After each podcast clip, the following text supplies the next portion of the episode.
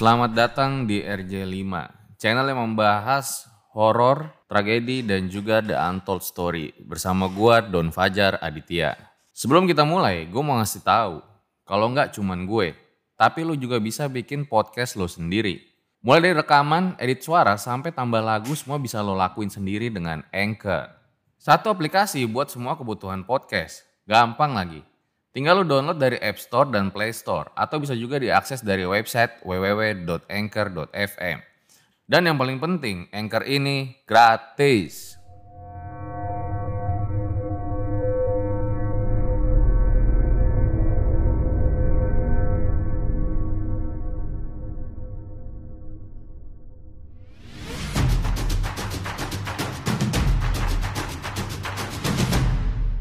Kini Podcast Network. Dia diliatin sosok perempuan baju merah. Dia ngerangkat di dinding. Lidahnya panjang. Dan dia ngeluarin air lidahnya sambil ngeludah di tembok. Dia ngerangkak. Dan itu perempuan yang sama kayak yang di poli gigi. Mukanya sama persis. Ternyata di punggungnya Arum tuh ketempelan lendir itu bang. Itu banyak. Nempel di punggung dia dan warnanya kuning dan sama kayak yang di tembok itu jadi di eh, baju Arum itu kan bajunya warna putih ya. Di pinggir-pinggirnya tuh kelihatan noda bekas kebakar juga.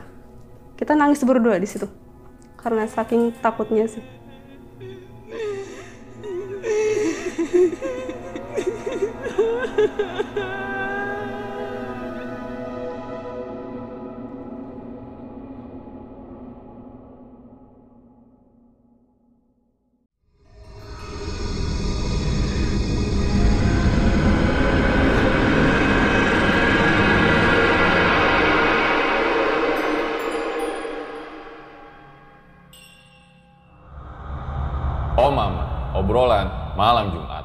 Kembali lagi bersama gue Fajar Ditya kali ini di Om Mamat Season 4. Ketakutan terbesar adalah dirimu sendiri.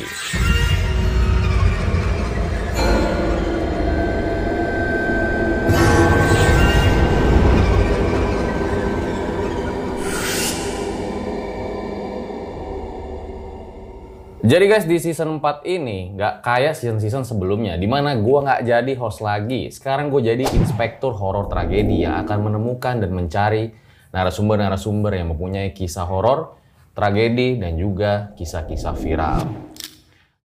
Nah sekarang gue kedatangan bintang tamu nih yang punya pengalaman horor viral. Bahkan twitternya itu likes-nya sampai 70 ribu. Langsung aja kita sapa. Selamat malam Kak Pika. selamat malam bang Waktu itu katanya di klinik gigi didatengin oleh pasien hantu. iya itu pasien hantu Kuntilanak katanya. kuntilanak awalnya cuma ternyata di belakang tuh bukan Dan selama dua minggu itu katanya diteror sama air liurnya. iya air liur Mm. Rasanya kayak gimana ya kalau kita diludahin aja manusia kan Iya. kesel ya. Iya, bener. Itu rasanya gimana? itu rasanya ya nakutin sih bang karena itu kan berminggu-minggu kan kita kayak Air gitu liurnya sama kayak manusia apa gimana? Eh, air liurnya sama kayak manusia cuma agak sedikit lengket dan itu kalau misal udah lama ya nggak kita bersihin itu kayak mengental dan warnanya jadi warna kuning dan pinggiran-pinggiran air liurnya tuh kayak ada noda-noda kebakar Dan katanya mengalaminya itu berdua ya, bukan sendiri ya ya? berdua sama temen Wah ini kayaknya bakal serem banget. Baik ditahan dulu Kapika ceritanya ya. So langsung aja berikut adalah ceritanya.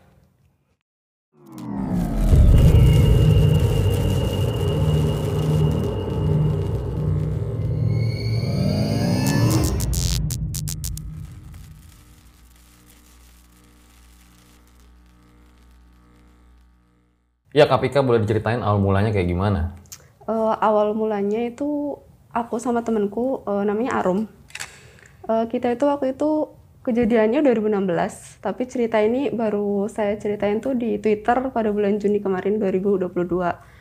Itu aku sama Arum lagi praktek kerja lapangan di rumah sakit, salah satu rumah sakit swasta kan di Pulau Jawa. Itu praktek lapangan kami, jadi kami itu masih semester 2 waktu itu. Eh, dan praktek itu durasinya 8 minggu, Bang. 8 minggu. Semuanya lancar-lancar aja kayak biasa. Kita excited karena praktek pertama kayak gitu kan. Cuma di minggu keempat, di minggu keempat tuh eh, aku sama Arum ditugasin buat jaga di poli di poli syaraf waktu itu. Gigi ya? Di poli syaraf dulu waktu itu. Jadi kita tuh shift siang. Shift siang tuh durasinya dari jam 2 siang sampai jam 9 malam kan. Oke, dan kalau boleh dijelasin suasana di rumah sakitnya tuh kayak gimana sih? Suasana rumah sakitnya itu eh, ada beberapa lantai kan. Poli gigi itu di bawah. Jadi setiap poli itu di bawah kan rumah sakit ada beberapa poli ya bang. Ada poli gigi, poli syaraf, poli jantung gitu. Dan samping poli gigi itu ada poli jantung. Sebelah poli jantung itu ada parkiran ambulan yang di belakang itu kamar mayat.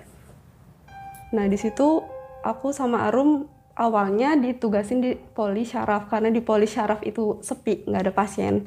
Jadi jam sekitar jam 3 sore kita diminta bantu-bantu buat jaga di poli gigi buat bantuin dokternya karena dokternya sendiri dan pasiennya waktu itu banyak kan. Oh jadi suasana di kliniknya itu ramai? Ramai di poli gigi itu jam 3 jam 3 sore. Eh, kita bantu-bantu dokter di poli gigi sampai akhirnya jam 5 sore. Jam 5 sore pasien habis bang. Jadi eh, antriannya udah habis gitu nggak ada pasien baru. Jadi aku, Arum sama dokter di dalam poli itu cuma ngobrol-ngobrol biasa sambil nunggu pasien. Eh, takutnya ada pasien baru gitu kan.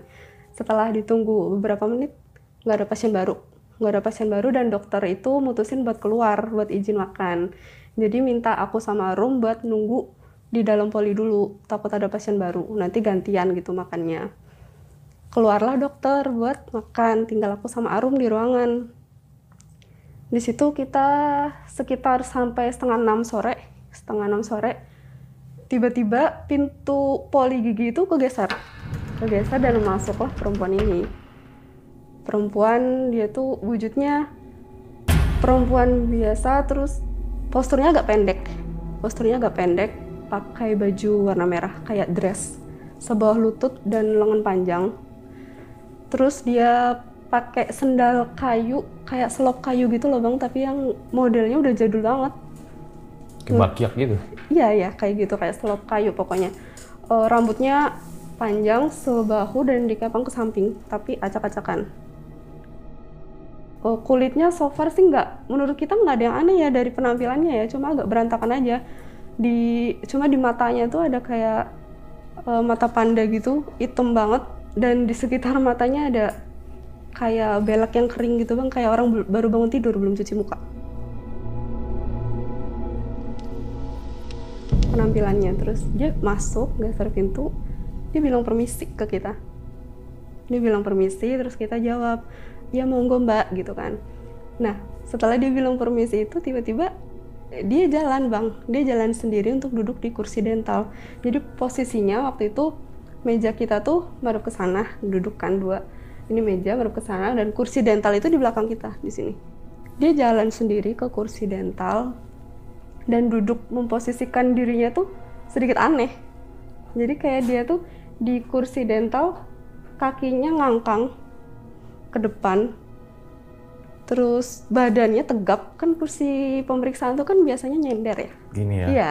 Tapi dia tuh badannya tegap eh, kakinya ngangkang ke depan terus Terus naik kakinya apa enggak? naik naik. Di tempat duduk tapi ngangkang kayak gini. Loh, kakinya naik tempat duduk? naik. Dia tuh naik udah naik. Dan tapi kan posisinya ngangkang gitu kan. Terus kepalanya madep ke atas bang. Madep ke atas bener-bener madep ke atas kayak gini. Dan posisi itu nggak berubah. Kayak gitu. Jadi kita lihatnya kan udah agak aneh ya. Sebenarnya posisi kayak gitu tuh posisi emang orang mau periksa gigi sebenarnya kan. Emang kelihatannya kayak gitulah cuma agak kurang lazim aja sedikit kan. Terus di situ setelah beberapa eh, detik kita merhatiin posisi perempuan ini nggak berubah akhirnya aku sama Arum mutusin buat mulai asesmen asesmen tuh kayak kita nanya-nanya pasien kayak identitas sama keluhan-keluhannya gitu kan bang. Di situ kita madep belakang ke ke kursi dental itu. Terus si Arum nanya ke perempuan itu. Kayak "E, Mbak mohon maaf namanya siapa? Mau kita catat gitu. Perempuan itu jawab bang. Jawab tapi pelan. Lebih kayak bisik-bisik.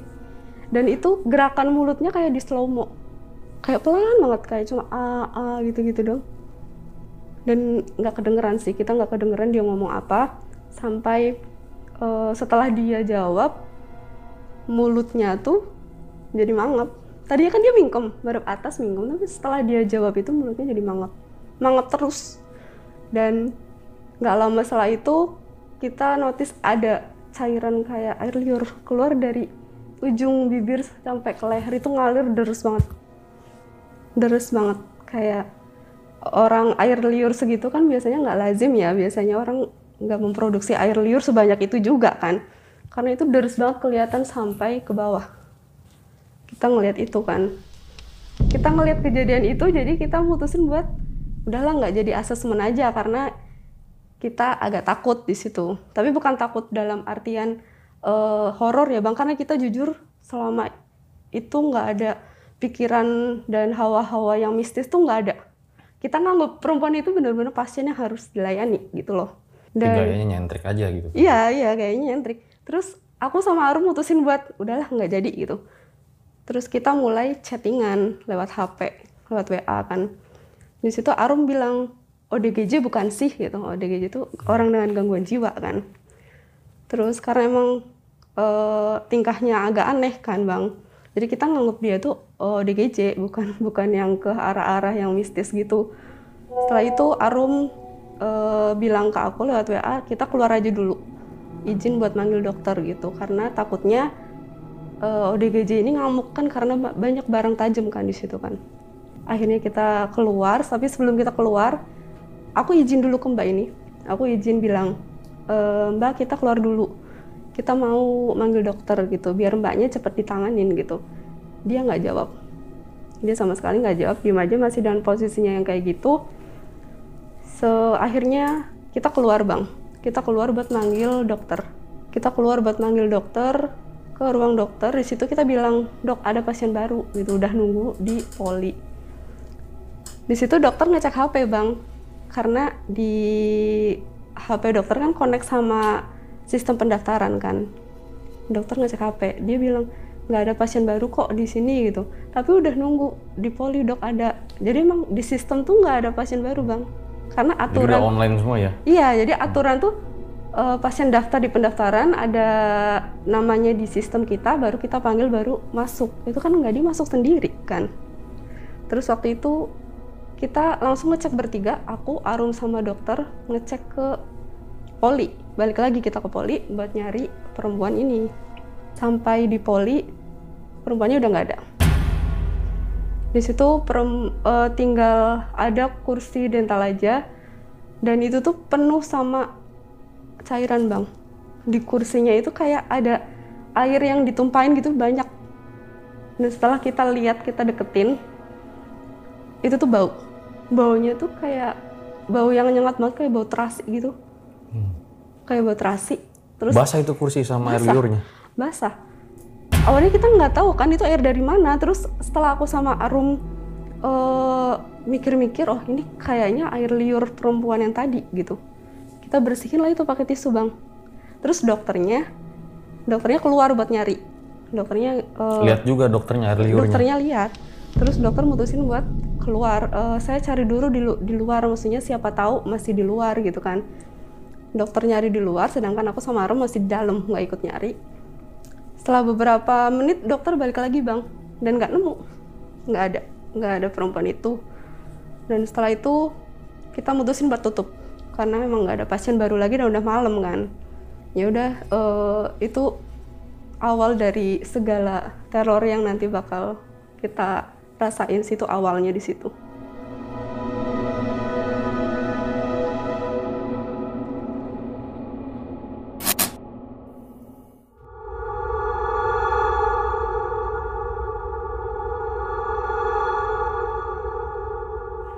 Masih nggak mikir apa-apa ya udah saat enggak, itu ya enggak belum, ya? belum sama sekali nggak ada Jangan-jangan kayak film Dono lagi gitu kan pasiennya apa namanya ngeprank gitu ya? Iya, iya gitu nggak ada nggak ada pikiran okay. mistis terus setelahnya besok harinya ini benar-benar besok harinya aku sama Arum kan satu kos ya bang satu kamar kos hmm. kita satu kamar kos di situ Berdua. satu berdua kamar. sekamar tuh berdua besok harinya aku shift sore shift siang si Arum itu shift pagi. Jam pas jam 5 sore aku lagi jaga di rumah sakit ya? Sendiri. iya di rumah sakit Arum di kos kan karena dia kejatahan pagi kan udah udah pulang. Arum telepon tuh jam 5 sore. Ini kok di lantai? Banyak cairan ya gitu. Cairan apa gitu kan? Cairan lendir gitu kayak tapi bau gitu itu besoknya bang dia nemu kayak gitu kan. Terus aku bilang aku nggak tahu apa apa gitu kan. Waktu aku berangkat nggak ada kayak gitu kok gitu. Terus akhirnya sama Arum dibersihin sendiri pakai tisu dia lap lagi pakai tisu. Dan di situ kita juga belum mikir apa apa bang. Di situ kita belum mikir apa apa malamnya pas kita tidur jam 3 pagi kita kebangun. Kita kebangun bener-bener eh, karena denger suara kayak perempuan lagi buang riak tau gak sih? Kayak buang riak ngeludah dan makan kayak kayak mau muntah gitu. Dari luar kos dari luar kamar kos. Kita kebangun karena suara itu keras banget kan. Eh, terus karena mungkin kita waktu itu kan kuliah kesehatan ya jadi kita tuh mikir kayak eh, mungkin ada eh, orang di kos yang lagi sakit gitu. Jadi kita mutusin buat keluar keluar kamar kos siapa tahu orang ini butuh bantuan gitu kan. Kita mutusin buat nyari itu jam 3 pagi masih gelap. Kita keluar kita nyari eh, orang itu waktu kita keluar suaranya berhenti. Nggak ada. Kita keliling kos nyari-nyari tetap nggak ketemu bang orangnya. Habis itu kita masuk lagi ke kamar buat nyoba buat tidur tapi kita kebangun lagi. Nggak bisa tidur karena kita nyium bau nyium bau yang bener-bener ganggu banget. Tau gak sih? Kayak kayak mohon maaf kayak luka diabetes gitu loh bang. Luka diabetes kan itu bau banget ya. So far itu luka paling bau sih yang yang pernah kita temuin gitu. Luka diabetes Bisa digambarin nggak baunya kayak kayak bau terasi busuk gitu mungkin. Oh. kita nyari-nyari lah itu sumber bau. Di kamar ya? di kamar di kamar. Kita nyari-nyari sumber bau kita buka tong sampah nggak ada apa-apa kan nggak dari situ. Kita cari-cari di kamar terus sampai kita nyari keluar bang. Ternyata pas kita keluar nggak ada bau. Jadi kan emang baunya berasal dari kamar kan berarti. Terus kita masuk lagi ke kamar. Terus di kamar kita nemu lendir lagi tapi di tembok. Dan itu udah mengental gitu. Di tembok dan itu ternyata baunya dari situ. Lendirnya kayak gimana? lendirnya ya lendir warna kuning di situ tuh udah ngental jadi udah bukan cair lagi Warna kuning ya. Heeh. Kalau biasa kan kita warna hijau gitu ya. Iya, kayak- atau kayak putih, riak kayak lendir gitu, heeh. Ini kuning ya? kuning dan kalau di tembok tuh kan kayak nyerap ke tembok gitu ya bang cairannya dan itu ada di pinggir-pinggir lendirnya tuh ada bekas hitam-hitam kayak noda bakar gitu gitulah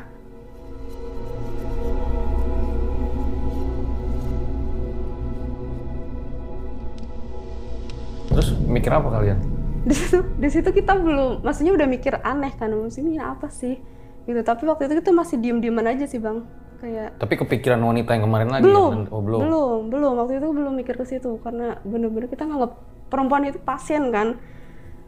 Jadi kita nggak mikir ke situ sama sekali. Kita ngerasa aneh tapi masih diem-dieman aja sih. Kita bersihin lagi lah itu pakai tisu, kita buang. Setelah kejadian itu bang, berhari-hari kita tuh diteror sama dua hal ini. Jadi kayak suara orang ngeludah tuh tetap kedengeran setiap malam. Dan air liur itu ter- tetap ada gitu di kamar. Walaupun kita udah bersihin tuh ada lagi ada lagi. Tapi sempat nanya ke penghuni kos yang lain, dengar juga nggak? nah itu. Kita sempat nanya karena penghuni kos juga kan eh, teman kita juga kan ada yang satu kelompok kan. Kita nanya kalau malam kalian denger nggak sih kayak ada suara orang ludah? gitu mereka nggak denger bang ada Setiap malam, iya jam berapa? Tiga. pokoknya nggak nentu sih pokoknya di atas jam 10-an lah kadang di tembok kadang di lantai paling sering di lantai di atap juga pernah Hah? di Di atap atas? di atas ini udah kayak sarang walet tuh atas kita tuh nggak Ih, serem banget ya. Nah, sebelum lanjut, itu kos-kosannya kalau boleh tahu eh, kayak gimana sebelah-sebelahnya? Apakah jarang rumah atau padat? kos kosannya letter U kayak gitu dan banyak dan jajar-jajar sih.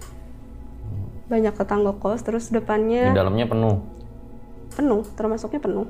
Itu tingkat juga kan. Kita di lantai dasar depan kita ada teras kamar mandi kita di luar.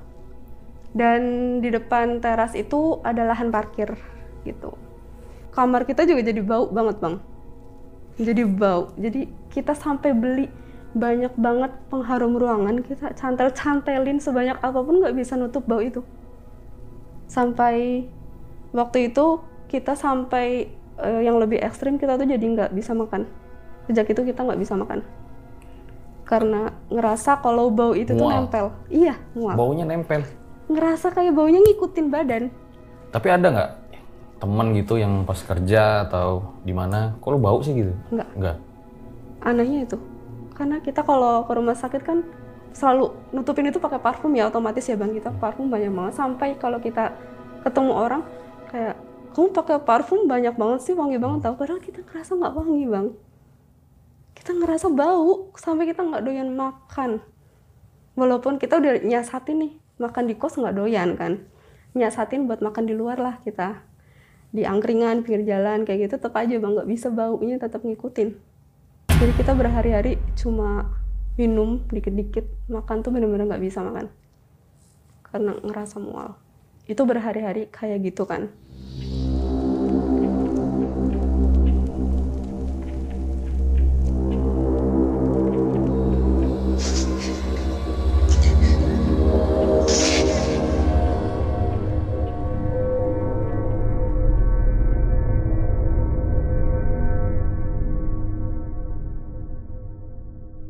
napas dulu dong guys. Sebelum lanjut, kenalan dulu yuk sama all-in-one podcast editing platform. Namanya Anchor. Anchor ini adalah aplikasi yang buat gue lebih mudah untuk rekaman, edit suara, tambah lagu. Pokoknya segala hal dalam pembuatan podcast yang lo dengerin ini. Jadi kalau lo mau bikin podcast lo sendiri, sekarang juga bisa. Caranya tinggal download dari App Store dan Play Store. Download Anchor sekarang juga.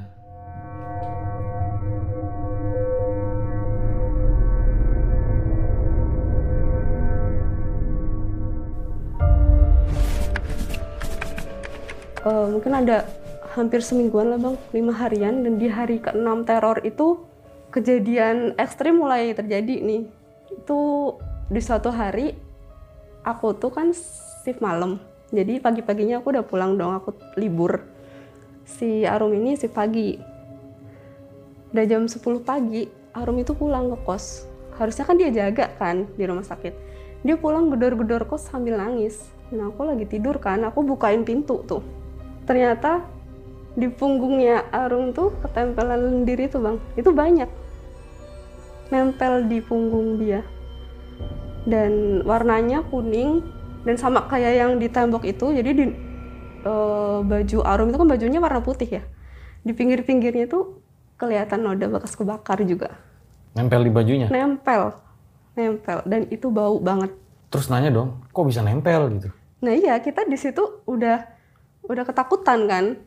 Karena saking takutnya si Arum ini dia langsung lepas bajunya dia ganti baju baju praktek itu yang kena lendir itu dia taruh di kresek terus dia bakar baju itu di belakang kos. Belakang kos kita kan lahan jemuran kan? Dia bakar itu baju di belakang kos karena dia udah takut banget kan bang? Setelah dia bakar di belakang kos eh, kita berdua balik lagi ke kamar di situ kita berdua nangis. Nah di situ kita berdua mulai mulai saling ngobrol maksudnya saling mempertanyakan gitu. Ini tuh apa gitu. Udah enam hari nih kayak gini iya terus. iya ini tuh apa? Sebenarnya aku tuh pengen ngomong ini loh ke kamu dari awal gitu gitu bang kita nangis berdua di situ. Karena saking takutnya sih.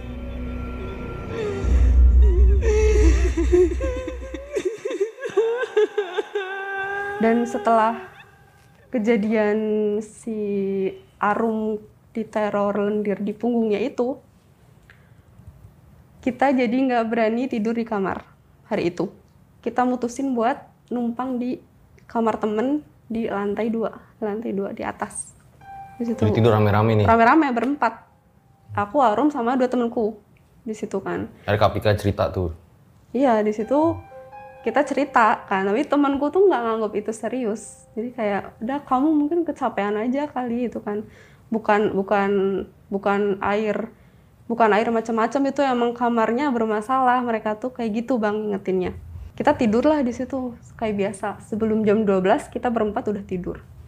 Tiba-tiba aku kebangun jam satuan karena untuk yang pertama kalinya di situ aku ketindihan ketindihan yang tapi ketindihannya ketindihan yang bener-bener cuma kayak ketahan nggak bisa gerak gitu gitu aja ketindihannya. Jadi nggak diliatin apa-apa. Terus aku bangun aku kaget tapi bisa tidur lagi. Dan habis itu sekitar jam 3 pagi ini lagi-lagi jam 3 ya bang. Jam 3 pagi kita semua berempat kebangun karena si Arum ini nangis. Waktu aku nanya nih kamu kenapa? gitu kan satu kalimat yang pertama kali Arum bilang ke aku tuh kayak gini kamu inget gak sih perempuan yang di poli gigi? Perempuan yang mana? Aku bilang gitu kan. Perempuan pasien terakhir yang pakai baju merah gitu kan. Ingat aku bilang kayak gitu kan bang. Terus di situ Arum cerita lah. Arum cerita kalau dia ketindihan dia ketindihan juga tapi diliatin sosoknya. Dia diliatin sosok perempuan baju merah. Dia ngerangkat di dinding lidahnya panjang dan dia ngeluarin air lidahnya tuh. Sambil ngeludah di tembok. Dia ngerangkak. Dan itu perempuan yang sama kayak yang di poli gigi. Mukanya sama persis. Sama percis kayak pasien yang datang pada sama waktu itu. sama orang itu sama. Mukanya sama. Nah dari situlah kayak mulai sedikit kejawab kan kayak oh jadi selama ini yang gangguin kita tuh perempuan ini ternyata perempuan yang kita anggap pasien biasa itu bukan orang.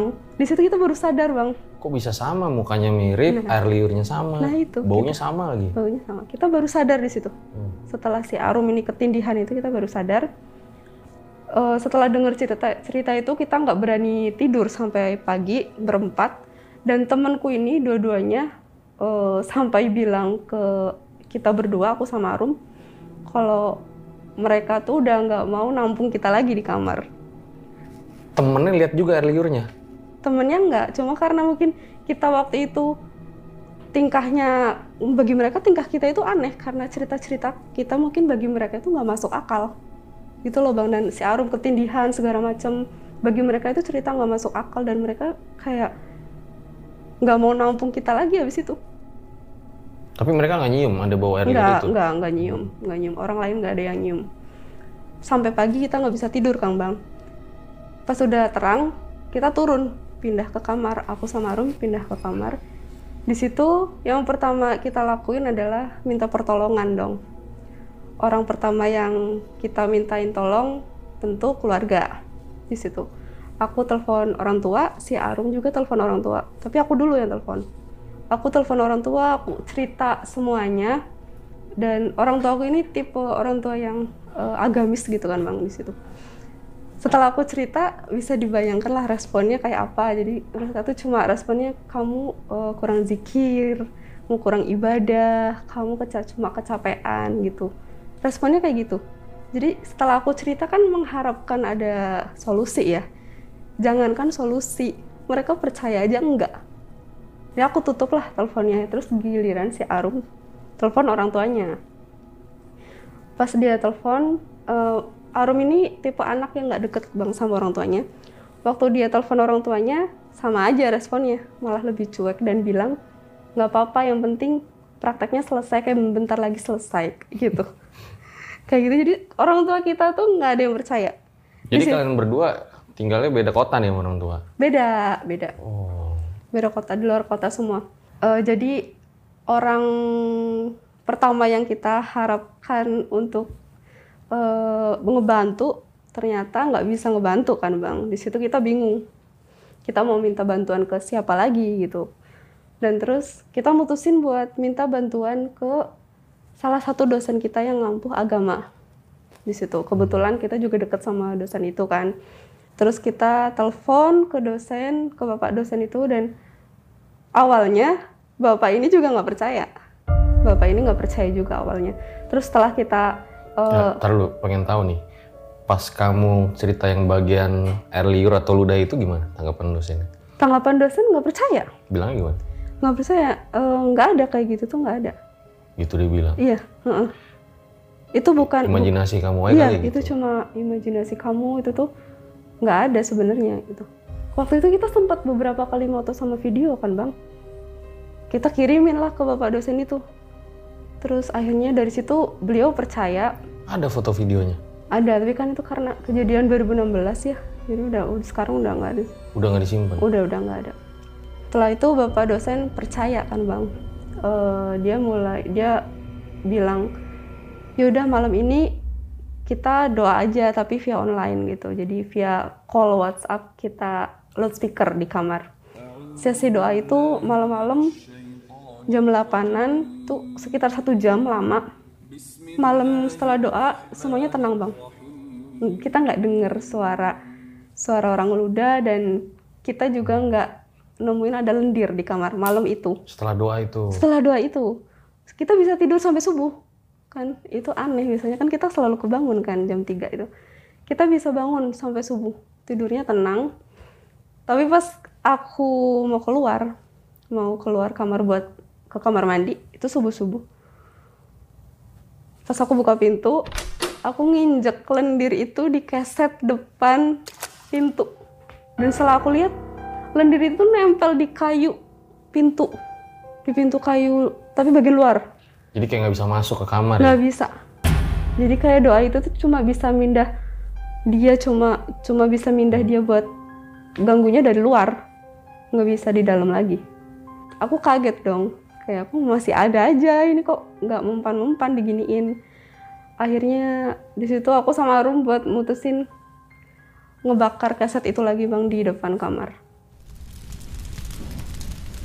Karena kita nggak mau nggak mau juga kan baunya terus-terusan ada di situ karena setiap dicuci itu nggak hilang bau dan bekasnya tuh nggak hilang Nggak hilang. nggak hilang Bekasnya kayak gimana setelah cuci? bekasnya bekas kebakar Tuh.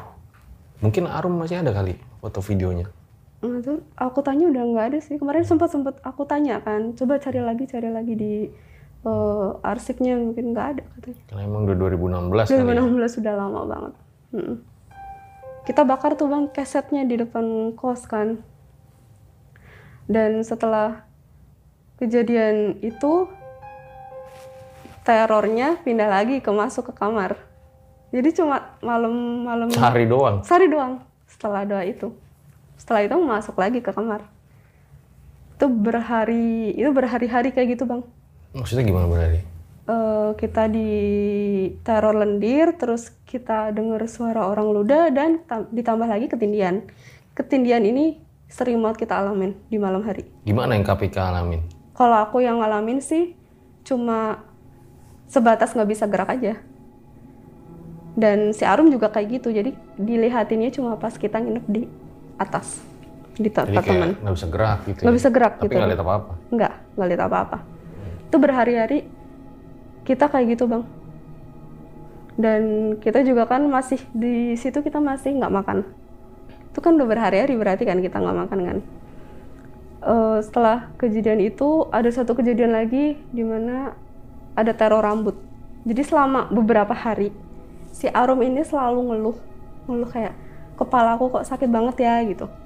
Dan dia tuh suatu malam pernah cerita bang ke aku. Dia jujur kalau setiap tidur dia tuh ngerasa ada yang mainin rambutnya ada yang mainin rambutnya ada yang narik jambak sampai dia ngerasa kayak rambutnya tuh lepas tiap malam dia kayak gitu dia baru cerita itu malam itu doang Berarti di jambaknya kenceng dong. kenceng sampai katanya lepas.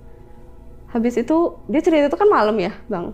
Nah paginya, persis paginya tuh, aku bangun nemuin rambut di lantai. Lantai kita tuh kan eh, keramik warna putih ya, nggak ada karpetnya, jadi jelas banget kan kalau ada rambut kan.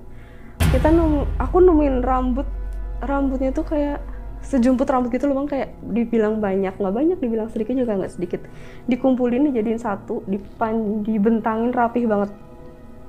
Di lantai. Itu rambut warna merah dan yang warnanya merah itu kan rambutnya rambutnya si Arum kan jelas. Karena rambut dia diwarnain kan. Banyak rambutnya. banyak. Dijadi tapi dijadiin satu di lantai aku bangunin si Arum ini. Aku bangunin. Subuh nih. Iya, aku bilang, aku marahin dia bang, nggak lucu kamu main kayak gini gitu kan. tahu tahu tahu kita lagi eh, diteror kayak gini kamu nggak lucu main kayak gini rum gitu kan. Terus dia bilang ternyata dia juga nggak tahu bang. Dia nggak tahu dan langsung dia bilang ke aku kayak kamu inget nggak sih semalam kan aku cerita semalam aku cerita apa? gitu. Aku ngerasa rambutku ditarik gitu sampai copot ternyata sosok itu tuh yang main rambut itu dan ditunjukin Itu buktinya setiap hari. iya ditunjukin Rambut itu itu kayak dimainin kayak gitu. dikoleksi gitu sama dia loh bang kayak dikoleksi Koleksi rambut. iya jadi sama dia tuh kayak benar-benar ditunjukin ini loh aku tiap hari nyabotin rambutmu aku koleksi ditunjukin Tapi rambut Kapika mana-mana aja nggak kerasa. Enggak, enggak, itu cuma rambutnya Arum doang. Terus karena si Arum takut ya bang, dia ngambil rambut itu dia bakar lagi di depan kos. Pokoknya setiap apa pun yang terkontaminasi dengan eh, teror ini ke benda kita buang atau enggak kita bakar. Setelah kejadian kita nemu rambut itu bang, itu kan pagi ya. Malamnya, ini bener-bener malamnya langsung kejadian aku sama Arum ketindihan dan kita ketindihan tuh ketindihan hal yang sama jadi nggak bareng sih aku duluan itu waktu itu aku kebangun karena aku ketindihan ketindihannya jauh lebih ekstrim dari ketindihan yang biasa. Yang biasanya kan cuma ketahan aja kan nggak diliatin apa-apa. Tapi malam itu aku ketindihan ngelihat untuk pertama kalinya aku ngelihat eh, perempuan pakai baju merah. Dia di atap ngerangkak di atap. Ngerangkak dari dari atap terus ke tembok ke tembok depan ke bawah ke lantai dan menuju ke ke aku yang lagi tidur dia tuh ngerangkak dan waktu lagi jal, ngerangkak ke aku kan kelihatan ya bang mukanya kayak apa. Tuh mukanya tuh nggak kayak perempuan yang dipoli gigi jadi udah berubah. Mukanya hitam kayak udah busuk. Matanya tuh nggak sejajar kayak atas bawah. Senyumnya tuh mulutnya senyum lebar udah sampai udah mau sampai sampai telinga gitu loh bang. Dan lidahnya panjang menjulur ke bawah ngeluarin air liur. Deres banget. Waktu dia ngerang jalan ngerangkak aku kan kelihatan kan mukanya bentukannya kayak apa. Bentukannya kayak gitu. Dan pas itu aku posisi tidur kan eh, terlentang ya aku pakai celana pendek selutut sama baju pendek kan segini. Nggak pakai selimut. Dia jalan ke a- dia ngerangkak ke arahku di situ sampai kaki itu dia ngejilat bang ngejilat dari ujung kaki ngejilat. Dan lidahnya kera kalau kena kulit tuh kerasa perih. Jadi lidahnya itu bertekstur. Kayak lidah di jilat kucing kan lidah kucing itu kan bertekstur ya. Kurang lebih kayak gitu tapi kalau kena kulit itu perih. Perih banget. Dia jilatin badanku dari ujung kaki sampai kepala. Tapi cuma yang kelihatan doang. Bagian tubuh yang kelihatan sampai dia jil ke atas atas ke leher ke kepala muka pun dia jilat dari situ terus habis itu aku kebangun kan aku ketakutan Teriak gitu. Enggak, aku nggak berani teriak di situ. Cuma bangun terus berdoa dan di saat itu, di saat aku lagi nenangin diri, Arum juga kebangun. Ternyata dia mimpi yang sama, ketindihan yang sama. Hmm, Dalam mimpinya. Iya, sosok itu juga. Tapi kayak nyata banget gitu. Kayak nyata bang, karena kerasa. Setiap kena kulit tuh lidahnya tuh kerasa bang. Tapi ada air liurnya. Enggak, waktu kita bangun tuh nggak ada. Kayak kerasa eh, basahnya kena air, terus ken- perihnya lidah dia tuh kerasa banget di kulit. Coba kalau Arum ini kan kalau tidur, mohon maaf ya, bajunya agak minim ya, kayak cuma pakai daleman aja. Jadi eh, tubuh bagian tubuh yang kebuka kan lebih banyak kan otomatis. Jadi Arum ini emang sama sosok ini dijilat sampai ke eh, maaf kayak area kewanitaannya sampai ke payudaranya dia jilat. Di dalam lebih- mimpinya. Iya di dalam mimpinya. Tapi pas bangun nggak ada. Nggak ada, Ada. nggak ada herannya nggak ada apa-apa. Tapi kerasa banget bang. Tapi kok anehnya bisa dua-duanya mimpi yang sama. Nah itu Barengan dia. lagi. Barengan. Tapi sama sosoknya gosong juga. Sosoknya sama gosong, berubah. Jadi kalau kata Arum dulu kan ketindihan pertama diliatinnya masih bentukannya masih agak kayak manusia gitu kan. Cuma di situ udah berubah. Mungkin itu sosok aslinya apa gimana nggak tahu bang. Berubah di situ gosong. Nah setelah kejadian ekstrim ini kita mutusin buat nggak tidur Bang Fajar percaya nggak? Kita nggak tidur berhari-hari. Udah nggak makan, nggak tidur. Bayangin. Pagi siang nggak tidur juga? Kita nggak berani buat tidur karena Trauma. takut itu, trauma. Trauma bang, kita takut banget waktu itu. Karena udah berapa minggu tuh dikasih air liur terus kan? Iya, udah udah hampir dua minggu lah. Dua minggu tiap malam dikasih air liur tuh. Iya, kita udah bingung banget. Kita nggak berani tidur. Kayak kita mau ketiduran sebentar pun tetap ketindian. Kayak misal ngerjain tugas kan, ketiduran, ketindian tetap bang. Siang-siang. Siang-siang. Makanya kita nggak berani tidur. Tapi mikir nggak? Udah pindah kosan aja yuk gitu. Nah itu nanti di akhir mikir kayak gitu sih. Kita Sekarang belum mikir. belum di situ kita belum mikir. Tapi kalau kayak pas sholat dibacain gitu, Nggak nggak ngaruh. nggak ngaruh. Dan eh, ngomong Kayak dosen kursi gitu gimana? dosen kita pun tetap follow up. Jadi kayak tetap ada Tiap malam tuh. nggak tiap malam juga sih ke bang kayak ada tiga kalian lah didoain lagi sama dosen gitu tapi nggak mempan nggak mempan jadi kita sek- sekitar tiga hari setelah Tapi udah dicoba setiap ada bau air liur, baca ayat kursi, udah panas. gitu. udah Udah. udah semuanya udah kita coba kita sampai nyetel murotal segala macam Di tiap malam YouTube tuh. iya setiap kita tidur kita loudspeaker gitu nggak mempan nggak ngaruh makanya kita juga bingung kita mau usaha apa lagi sedangkan di part terakhir. Dia tuh mimpi selama dia tidur tuh dia mimpi berhari-hari mm, main ditemenin sama perempuan. Dan perempuan itu ngaku itu tuh sebagai temennya Arum. Dia sampai nanya ke aku loh bang aku tidur berapa hari sih? Kamu tidur cuma semalam. Tapi aku mimpi kayak ngerasa udah ngejalanin berhari-hari sama perempuan ini sama perempuan yang ngaku temen. Dan perempuan ini tuh sambil tangannya sambil ngegali tanah. Mereka ngobrol tapi perempuan ini tuh sambil ngegali tanah tangannya. Dan entah dari mana tiba-tiba eh, galian dia tuh tiba-tiba udah dalam lubang dalam banget terus dia nyemplung perempuan ini. Nyemplung ke dalam kan. Terus dia manggil Arum sini ikut masuk gitu. Nyuruh Arum buat masuk. Udahlah jangan ganggu aku lagi gitu kan. Kayak alam kita juga udah beda gitu. Aku nggak mungkin sama kamu aku juga bukan lesbi Arum, sampai bilang gitu bang. Pocong perempuan, naksir perempuan. Iya. Coba